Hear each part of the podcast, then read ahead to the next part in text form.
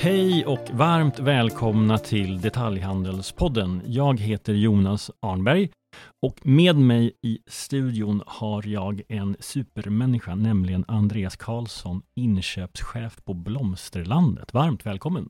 Tackar Jonas! Det är vinter och det är liksom kallt och trist. Vad, vad, vad gör man på Blomsterlandet nu? Ja, men I februari månad så är det ju allting från odling till eh, svenska tulpaner till förberedelse inför våren. Svenska tulpaner, finns det sådana? Jajamän, det odlas ungefär 100 miljoner svenska tulpaner varje år. Så det är en stor produkt för hela handeln. Berätta, du, vad är Blomsterlandet? Eh, beskriv, ni har både butik online och du själv har varit med från butik upp i toppen. Eh, vad gör du? Vem är du?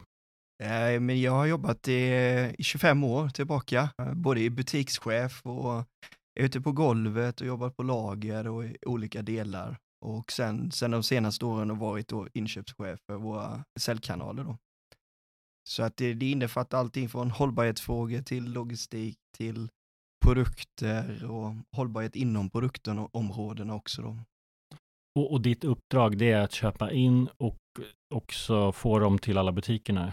Ja, och säkerställa alla eh, regler och krav som idag finns, både med EU-direktiv och svenska lagar och kvalitet och logistik och packning och hur man skeppar och allting. Blir det fler lagar? Det kommer bara mer och mer, men det blir också mer intressant för framtiden att man ser detta som en konkurrensfördel att reda ut de här frågorna. Vi kommer prata om, först vill vi ha dina signaler på liksom, vad händer, detaljhandelsläget och, och lite makro. Sen tittar vi närmare på din affär och liksom livet som inköpschef för att till sist avsluta med lite framtidsspaning. Och vi, vi kan väl börja med, liksom, vad hände 2023? Jag antar att du är en bransch som, som eh, är ganska konjunkturberoende. Ja, både det. 2023 var ett tufft år. Många av de säsongerna, vi är väldigt eh, säsongsberoende och får man en kall vår så blir det lite problematiskt. Och vi hade mycket med väderomställningar. Vi hade en väldigt kall vår och eh, sommaren var väldigt regnig och blöt. Och sen en varm höst och eh, även då till advent så var det snökaos. Och det får ju en stor påverkan på eh, vår, eh, vårt sortiment och det vi säljer. Men sen har du även en väldigt stor del utav vad vi handlar så är det ju valutan som har en stor påverkan. Vi importerar mycket, vilket gör att det här är lågvärdesprodukter som vi säljer, så det får ju en stor påverkan. Sen har du fraktsituationen som har varit och är fortfarande, som är lite instabil för tillfället.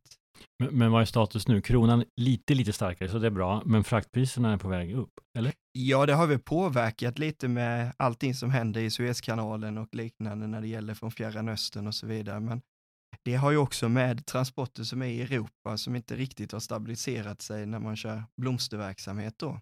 Så det är fortfarande en, en stor inflationspåverkan fortfarande. Realiserar du det i högre priser mot kund?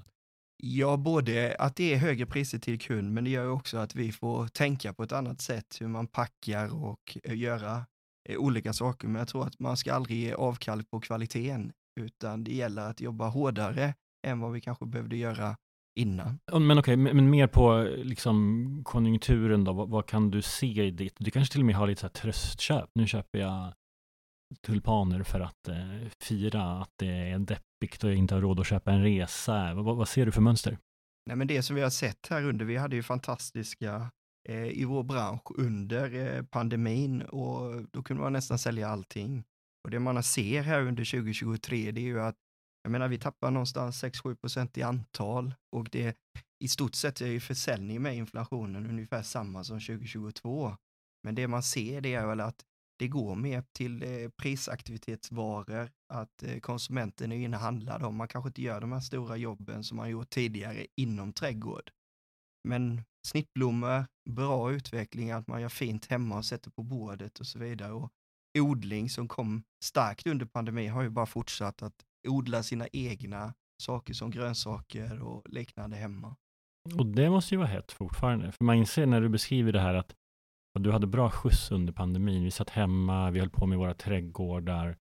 Och nu är det betydligt tuffare. Men just eh, odla växter känns ju som att det borde man göra. Eller odla mat, så att säga. Ja, men det är ett beteende som jag tror att man kan nog inte säga att det är en trend, utan det är mer en livsstil som det har blivit utav det. Så att man ser ju att det här byggs ju på hela tiden och mycket av odlingen handlar ju om att våra konsumenter blir kunnigare och kunnigare och man tar det för varje år ett steg ytterligare.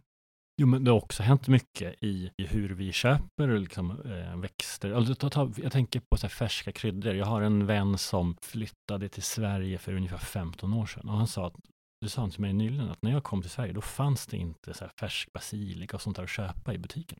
Nej, men de senaste åren har ju det blivit mer specialiserade odlare som breddar på sortimentet och vi har blivit bättre på att söka sorter och liknande som kompletterar det här utbudet och kraven blir större ifrån konsumenterna också att utveckla det sortimentet. Så kryddor är någonting som har haft en fantastisk tillväxt. Okej, men de mesta tunga olivträd, vilka var det tyngsta, liksom de mest kapitalintensiva eh, produkterna som du, du sålde mest under pandemin som är helt borta nu?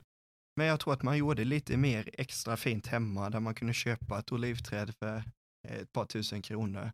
Idag så kanske man köper ett olivträd för ett par hundra kronor. Man köper inte de här större varorna eller sätter ett stort träd hemma i trädgården utan man väntar på de jobben.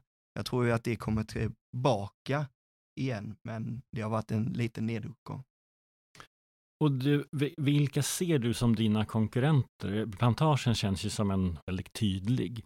Men jag antar att du också har Bauhaus och hela liksom byggvarusvängen, men även Ikea. Och man kan väl till och med gå mot dricka, eh, du kan gå in på, ni kan vara heminredning, man skulle kunna ta in liksom servera. Bena ut, vilken position är du på marknaden? Nej men eh, tittar man på Blomsterlandet idag, vi har ju olika konkurrenter i detta. Plantagen är en och Ikea är en inom olika segment. Jag menar, Ikea är jätteduktiga på stora gröna växter. Det är ju någonting vi har i vårt sortiment. Eh, vi har bygg och eh, trädgårdsfackhandeln som också är, så det är, det är väldigt nischat på dem. Vi har ju sagt att Blomsterlandet är ju inom, vi ska vara bäst på trädgård och det som rör trädgården och det innefattar ju att alla de här säsongerna, att det är säsongsblommor och när det är inomhusväxter så är det grönväxter och så vidare. Så vi försöker ju nischa oss. Men det finns ju en hel del konkurrenter som tittar på olika bitar. Dagligvaruhandeln är en som man åker till och där du har eh, mycket impulsköp på de här varorna och så vidare. Så det gäller ju att vi inom de här segmenten är, är väldigt duktiga. Men vi har många eh, konkurrenter. Men vi ska stå för att vi är en trädgårdsfackhandel eh, som står för kunskap och kvalitet. Det är jätteviktigt för oss. Och du har, hur många butiker har ni? Idag har vi 64 butiker från Luleå ner till Malmö. Och det är också majoriteten av försäljningen, men, men ni, har, men ni är stora online också? Ja, vi har en del eh, på online. Vi omsätter ungefär 50 miljoner på onlineförsäljningen och det är den affärskanalen som vi växer starkast med. Men, men, vad köper man? Där vill du skicka fröer snarare än ett olivträd antar jag? Ja, idag skickar vi fröer, vi skickar trädgårdsväxter, perenner, kryddor, tomatplanter, inomhusväxter. Och det är väl inom trädgård som vi har växt väldigt brett eftersom att vår mm, strategi blir ju att vi kan ha våra butiker och sen kan vi komplettera med att ha ett bredare sortiment online. Så det passar vår affärsmodell väldigt bra. Du kan vi inte ta oss an det du inledde med, den här säsongsvariationen och liksom det extrema beroendet av väder. Om, om du börjar med säsongsvariation, jag inbillar mig att en väldigt stor del av försäljningen är under våren, alltså i, i Stockholm typ maj, i Skåne kanske tidigare och i Norrland senare. Hur, hur, ser det där ut?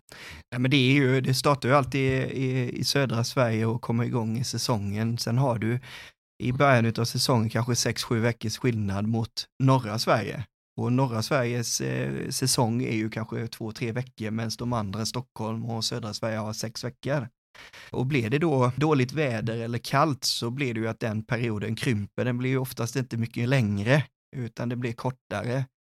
Så det är, det är en svårighet, men det är också tjusningen i vår bransch och det är inte helt enkelt att parera. Jag menar, är det snö till påsk så säljer man inga påskliljor. Och det är väldigt svårt att sälja påskliljor efter påsk. Men, men, om det var snö under liksom den vanliga högtiden i, i Skåne, ja så att liksom Skåne och Stockholm får vår samtidigt? Blir det kaos då? Nej, men vår eh, modell som vi har byggt upp det är att vi, vi jobbar med väldigt många av de svenska odlarna så att merparten av våra säsongsvaror kommer ju då och är odlade i Sverige, vilket gör att vi är väldigt flexibla. Så ställer solen om sig och det blir en väldigt bra försäljning så klarar vi att leverera ut väldigt, väldigt snabbt jämfört mot andra i vår bransch. Så att vi trycker på att vi vill gärna ha närproducerade krukväxter då och ifrån Sverige då som är väldigt viktigt för att vi ska kunna klara våra säsonger då. det är, inte, det är inte så att man kör ner all personal från Norrland till, till Skåne och sen så flyttar man runt dem. Jag tänker att det är svårt att optimera kompetensen där den behövs. Däremot så använder vi ju eh, kompetensen som vi har i bolaget att utbilda och det kan vara eh, personer eller medarbetare uppifrån Norrland som hjälper till med utbildningar i övriga delar av Sverige och så vidare. Men den tunga perioden har ju också gjort att vi har utvecklat, hemsidan är ju en stor kunskapskanal som vi har idag med väldigt mycket information och liknande som bygger detta ute i våra butiker. Och det har ju också gjort att vi klarar högsäsongerna på ett väldigt bra sätt. För en fördom man kan ha, eller alltså inte fördom, men bara liksom en okunnig tanke är ju att alltså, när jag kommer till er vill jag ju träffa en trädgårdsmästare. Men jag kommer ju när alla andra är där, så då är det ju kö till trädgårdsmästaren. Och sen när ingen annan är där, ja då, då står trädgårdsmästaren och flyttar runt grejer liksom. Och liksom, ja, man har svårt att nyttja den kompetensen.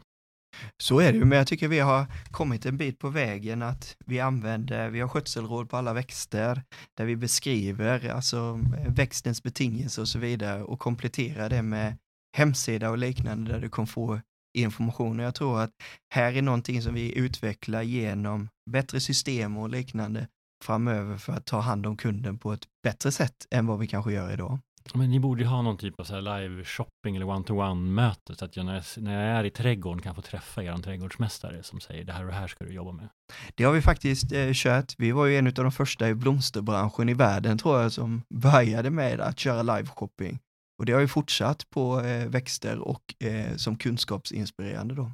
Hur tog ni in det och, och vad var syftet då och, och vad har det, har det ändrats? Vad, vad blev resultatet liksom? Nej men man ser ju det, det är fler och fler som är med på våra avsnitt som vi har och den som vi har fått mest uppmärksamhet ifrån det var när vi var hos en orkidéodlare för ett och ett halvt år sedan där man beskrev hur en orkidé odlas och så vidare. Så det är väldigt mycket kunskap som kommer fram i de här avsnitten. Sen har vi fråga experten på hemsidan när man ställer frågor och liknande som man kan få tydliga och bra svar. Vi har varit med och investerat i att ta över någonting som heter SKUD, som är egentligen en databas som har legat på, som myndigheter använder och alla journalister använder, att du ska ha rätt korrekt svenskt namn från begynnelsen och rätta latinska namn. Och det här gör ju också att vi stärker att vi kan utbilda våra konsumenter tillsammans med att kanske i framtiden att man har sin zonkarta var man bor, vilka växter ska man ha till exempel i sin trädgård, att få hjälp med detta. Men det bygger på att vår digitaliseringsresa fortsätter för att få ihop alla de här systemen. Finns det en tillväxt, tror du, i att fler har blommor i trädgården och hemma, eller liksom var, var är tillväxten? Men jag tror att man både tillsammans med onlineaffären som vi har tillsammans med våra fysiska butiker så kan vi ha ett intressant sortiment i de olika eh, säsongerna och även komplettera detta med att nya eh, produktområden till exempel som kan skapa en tillväxt under lugna perioder. Men jag tror odlingsintresset och växtintresset, det är någonting som ligger alla väldigt varmt om hjärtat och man vill ha fint hemma, man vill ha fint eh, inne. Så det, det är en utveckling. Vi har haft en fantastisk tillväxt de senaste åren. Men jag tror att vi behöver ta det ytterligare ett ste steg till att eh, fortsätta med den utvecklingen. Låt oss gräva lite mer i Omni-erbjudandet, för ni, har ju, ni är stora på nätet och, och, och jättestora i butik. Kan vi börja väldigt basic bara? Vad är fördelarna för dig med att finnas i båda kanalerna? Men jag tror att vi kan ha ett eh, bredare sortiment online som vi kan erbjuda. Vi behöver inte ha det hemma varje dag, utan vi kan erbjuda kunden ett sortiment som kan komplettera butikshandeln. Gör man det hemma online eller får man hjälp av era säljare i butik och kring det också? Nej, i dagsläget så har vi inte den möjligheten, men det är någonting vi jobbar på, att du ska kunna komma och träffa trädgårdsmästaren och sen kunna lägga din order i framtiden. Men det bygger väldigt mycket på att du får lagersaldo och liknande som vi håller på och ska implementera för att bygga denna omnikanalstrategin. Så jag tror att de närmsta åren så ligger det väldigt mycket kraft att få ihop de här grejerna, inte separat utan få ihop dem till en och samma. För att jag tror att den stora tillväxten, klarar vi landa det här med online-delen så kommer det bli ett bra tillskott till vår totalaffär. Och vad eh, använder du butikerna som eh, plats för att hämta e-handelsvarorna på också? Ja, idag så har vi cirka 80 procent av det vi säljer är ju att hämta ut i butik. Och det som vi vill i framtiden det är ju att komplettera att du kan skicka hem mm. exempelvis stora olivträd Eh, vi skickar idag fröer i, i postpaket och så vidare då. Men där finns en stor utveckling eh, som vi ser att man vill ha leveranserna hem. Ja. Och då kör man det direkt från lagret till kunden? Ja, eller i framtiden att vi plockar det i butik och kör det okay. för att få last mile-perspektivet på det. Men um, vilka, har du några rena pure players på nätet att konkurrera med? Ja, det finns ett antal aktörer som är nischade, antingen är man jätteduktig på fröer exempelvis, eller så har du allting med växter och så vidare också på nätet. Sen har du en del aktörer som finns ute i Europa som säljer på svenska marknaden också. Men du Andreas, vi, vi ser ju det finns ju massa forum för de som älskar att odla fröer eller det, och du har konkurrenter på nätet. Så där.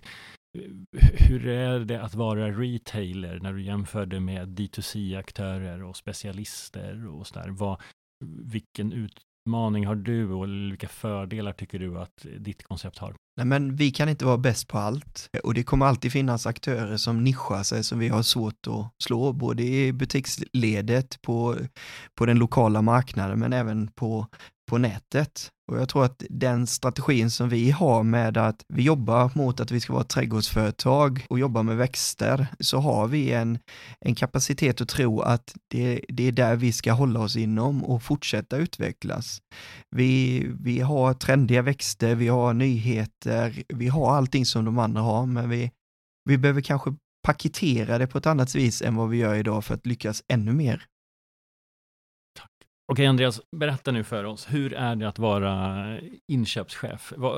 Vart köper du dina växter ifrån? Eh, merparten är ju från svenskproducerade utav odlarna i Sverige, men vi har även import ifrån Tyskland, Holland, Danmark, Spanien, Italien, Kenya, en stor på snittblommor som vi importerar. Så det är en salig eh, massa olika länder vi köper utav, men merparten utav direktinköp via odlare där man har en hög transparens och en dialog tillsammans för att utvecklas då. Vad är det man måste ha hemma? Vad är liksom NOS-sortimentet eller vad är de mest säljande varorna? Nej men det är olika säsonger som vi har detta. Tar du vårsäsongen så är pelargon en väldigt stor produkt. Tar du på trädgårdssidan så är det lavendel och de kommer ju år från år eh, tillbaka de här produkterna. Var, vad är grejen med pelargoner? Varför, varför är det så stort? Ja, men det har säkerligen tillbaka i tiden att man, sina föräldrar och mormor och morfar hade alltid en pelargon och det är en hållbar produkt som är fin blomma, lättskött om man hanterar den väl. Så Uppmuntrar du till att man tar hand om sina blommor så att man inte behöver köpa nya? Alltså, vi försöker ju att hålla kvaliteten bättre Eh, på produkterna och utveckla detta, för vi vill ju också ur ett hållbarhetsskäl att jobba för att produkterna blir bättre. Och vi jobbar väldigt intensivt med att produkter som kanske Eh, kräver mycket vatten i odling eller kräver väldigt mycket kemikalier för att driva fram försöker vi att fasa ut till förmån för andra produkter i detta. Vi jobbar väldigt mycket med färger, storlekar och så vidare för att göra en bättre produkt för konsumenten och att den håller.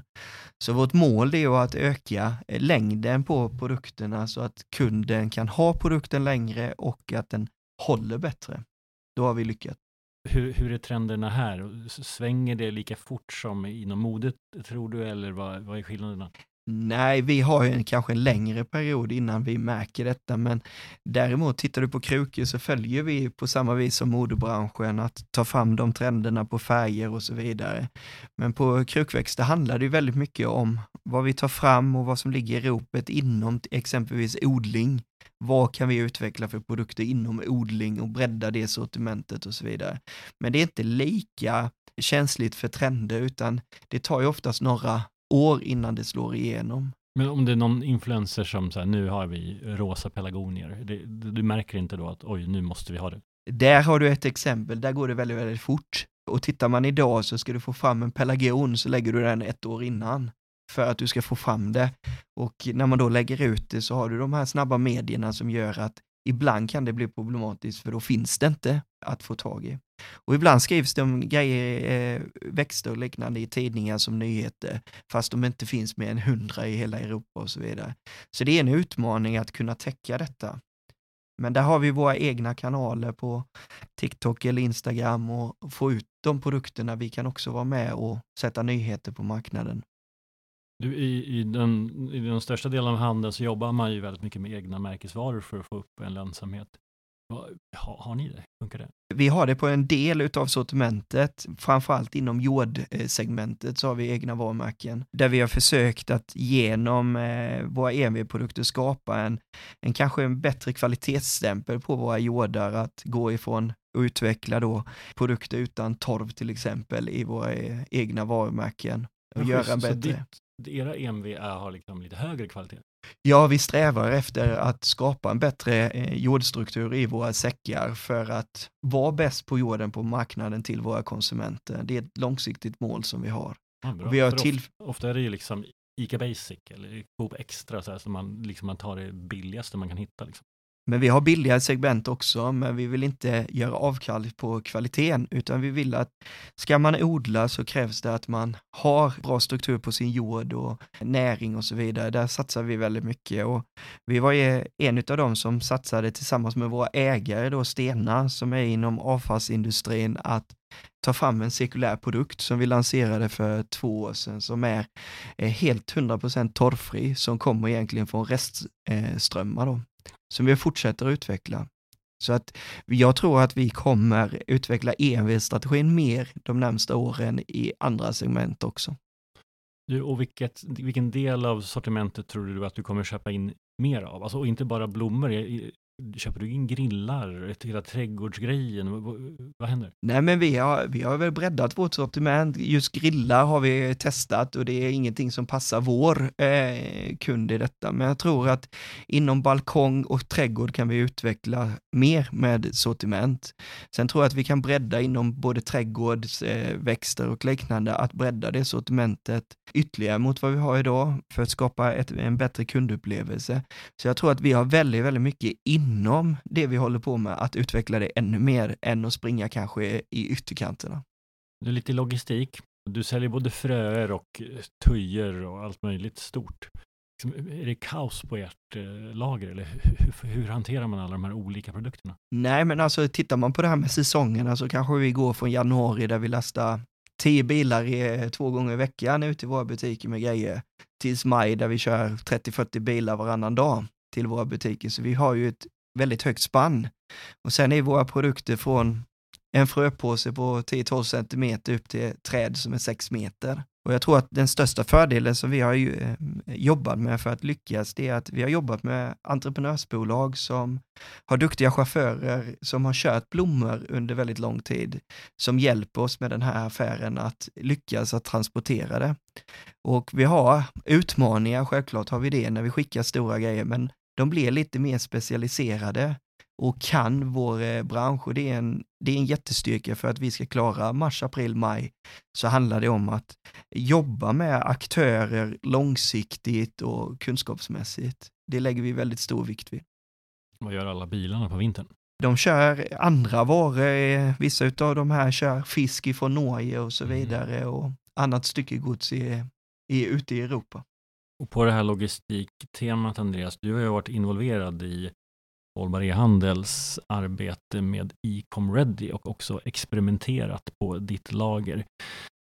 Eh, och syftet har ju varit att anpassa leveranserna ur en e-handelslogik så att eh, man effektiviserar flödena helt enkelt. Du hade väldigt positiva resultat. Du sparade massa tid, klimat, eh, samtidigt som du också blev mer lönsamt. Vad, vad, vad gjorde ni? Nej, men eh, när vi började med detta arbete så de stora erfarenheterna från detta det är att det har ju varit ett fantastiskt team att jobba med, att man har kunskapsutbyte. Sen har det också lett till att vi valde ut att göra detta på lökar som vi tar in på lagret och då hade man detta i papperskartonger som drev väldigt mycket tid att stå och pressa och så vidare och hade även en kostnad. Och när vi tittade på detta så gick vi över till att köra SRS-backar istället, bara byta ut och lägga dem i det. Samt, inom dagligvaruhandeln så har de de här gråa backarna som har packat frukt och grönt i, som vi har använt i detta. Och när vi gjorde detta så gjorde vi det även från butikerna då på 65 butiker, så vi fick ju en, en väldigt stor effekt totalt sett, men det gjorde också att man fick upp medvetenheten i detta när man började titta hur lång tid tar inleveransen, hur mycket emballage sparar man, vad har du för kostnad på det och så vidare. Och samtidigt i detta så kommer det upp fler grejer. Jag menar, man tittade på träpallar. Vad hände med detta på laget samtidigt man packade lådorna? Att, eh, vi bytte ut till plastpallar istället för en effektivare hantering. Då visar det sig att man sparade på truckkostnader och så vidare. Så att det är många grejer som har lett till väldigt positiva saker. Så jag tror att bara genom det här exemplet kan man implementera på flera andra produktgrupper också. Och jag tror att kunskapsmässigt så behöver man prata mer med leverantören att hur löser man den här omnikanalstrategin med både butiker och en e-handel. Eh, för det blir väldigt mycket emballage och man kan inte köra samma som man alltid har gjort. Och vi, vi gjorde ju samtidigt eh, motsvarande experiment på Apoteas lager och där var det hudkrämer vi testade som kom först i sexpack på ett tråg med plast runt. Och sen kom det väl på en e-handelspall med ungefär 300 då hudkräm tuber i, i en leverans. Och alla älskade det. Apotea älskade det och mycket snabbare. Leverantören älskar det. Och, och man inser att det finns helt enkelt en hel del att göra i e-handelslogistiken fortfarande på, på effektiviseringstema. Och det är kanske först i dessa tider när det blir lite tuffare och man, man, man tvingas som man gör det. Men hur mycket, liksom, hur stor är potentialen för ytterligare effektivisering? Är det liksom där du hittar din lönsamhet eller är det i själva inköpet eller är det i prissättningen? Liksom? Nej, men jag tror att det är eh, många bäckar små. En del är ju kostnaden du har för att införa det i ett lager, att du måste eh, jobba med effektiviteten där. Men jag tror att idag så skiljer inte vi på hållbarhet eller inköp, utan hållbarheten ska vara en del utav inköpet. Och jag tror att det exemplet som vi jobbade med, det kan vi sätta på väldigt många andra produktområden också för att kunna skala upp det. Så jag tror att den kunskapen som vi fick i gruppen och eh, dialogen har också gjort att vi kanske lyfter andra frågor än vad man hade innan. Och jag tror att detta är kanske en av de tuffaste grejerna att jobba med framöver, för det kommer ju väldigt mycket regler, eh, nya direktiv och så vidare som gör att vi, vi måste jobba med det mer och lägga mer tid på det än vad vi kanske har gjort tidigare. Ja, lyssnare, läs den rapporten. Ecom Ready, den släpps snart på Hållbar e-handel, kommer också finnas på D-Congress där vi presenterar resultatet den 7 mars. Om vi tittar framåt, det är såklart svårt. Vi kommer från en period där först hade du boom och sen blev det lågkonjunktur och eh, vad ser du för skillnader om fem år jämfört med idag? Men jag tror att transparensen, eh, transparensen kommer öka. Eh, jag tror att man kommer ha en, en större dialog med odlare och leverantörer hur man löser utmaningar. Vi kommer stå inför eh, faktum med olika lagar och regler som kommer påverka oss. Och det gäller det att man är effektiv och transparent. Hur löser man problemet gemensamt? Vi kommer ha en, säkerligen en valutaeffekt under de närmsta åren också på ett eller annat vis. Så att utmaningar som vi kanske har haft de tre senaste åren där som har varit positiva, så tror jag att det kommer bli de närmsta åren tuffare i inköpsarbetet eh, mot både hur man ska göra och förpackningar och allting för att få en lönsam lönsam affär, men jag tror ändå att den ser väldigt, väldigt positivt ut. Vi verkar i en bransch som, som inte är så konjunkturkänslig på det viset, utan man vill ha det fint hemma, man vill man vill odla och så vidare. Och jag tror någonstans kan man lägga ihop detta och fortsätta, det kommer bli ett tuffare klimat tror jag att eh, jobba i. För det kommer krävas mer och det kommer ske mer grejer på kortare tid. Tittar man tillbaka de tio senaste åren så hände det inte så mycket, men nu de senaste tre åren så har det hänt nästan allting som har, skulle ha hänt på tio år. Och det har också gjort att medarbetare som vi är väldigt stolta över, de har ju med väldigt stort engagemang förändrat sig och velat vara förändringsbenägna i detta. Så jag tror att förändringen kommer gå fortare framåt och att de utmaningar som eh, vi har framåt, de är hanterbara, men kommer kanske krävas en annan kunskap än vad vi har idag. Och det som har kanske varit det som har varit det jobbigaste, det är att man har inte varit med om en pandemi när det slår in. Så man hade liksom ingen att fråga, utan man har lärt sig på vägen. Och jag tror att det är en av de grejerna framåt, att tittar man på liksom de viktiga faktorerna, att hur hanterar man det, att det går så snabbt? Det tror jag är en viktig idé. Det tror jag hela den svenska handeln har haft nytta av under de sista åren. För det, alltså bara för, för ett tag sedan gjorde man ju treårsplaner och sådär. Och det gör man väl fortfarande. Men, men, men det som har hänt sista åren har ju varit, mer varit att vara beredd att agera precis hela tiden. Så, så att vi har nog fått en ganska duktig handel nu som är beredd att parera till exempel den här lågkonjunkturen eller vad som kommer sen. Ja.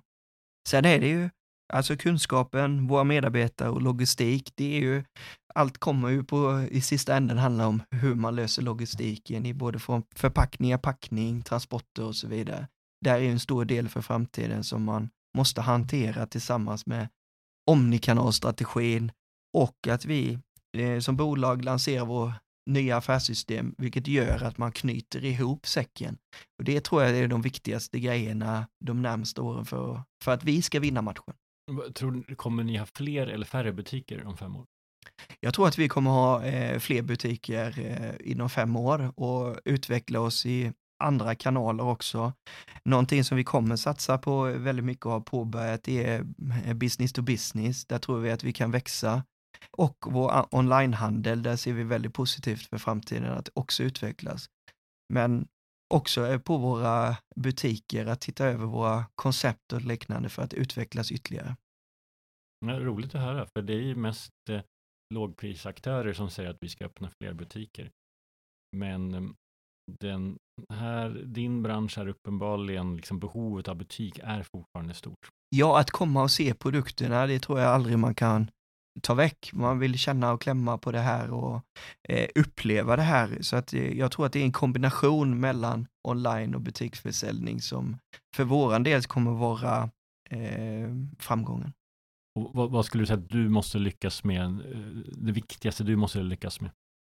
Nej, men jag tror att ledarskap kommer att vara en eh, viktig del framåt, att eh, våga ta de riskerna som behövs fast att det går så snabbt som det gör det. Sen Sen är jag väldigt stolt över eh, de medarbetarna vi har inom bolaget och jag tror att vi behöver utveckla det här med kunskap och driv framåt så kommer det stärka vår position på marknaden. Andreas Karlsson, inköpschef på Blomsterlandet. Otroligt stort tack att du var med i Detaljhandelspodden. Tack Jonas. Och tack alla ni som lyssnar. Vi hörs snart igen och vet ni vad ni kan få göra? Följ oss på LinkedIn. Följ oss i Apples poddspelare eller vart ni än lyssnar och gå gärna in och ge oss betyg också. Jag, jag visste inte ens att vi har varit lite dåliga på sånt här, men, men jag var själv inne och ratade oss högt såklart. men det, har, det är viktigt för oss för att då kan vi få bättre spridning och sådär. Så att gå in och likea oss. Vi hörs snart igen. Tack!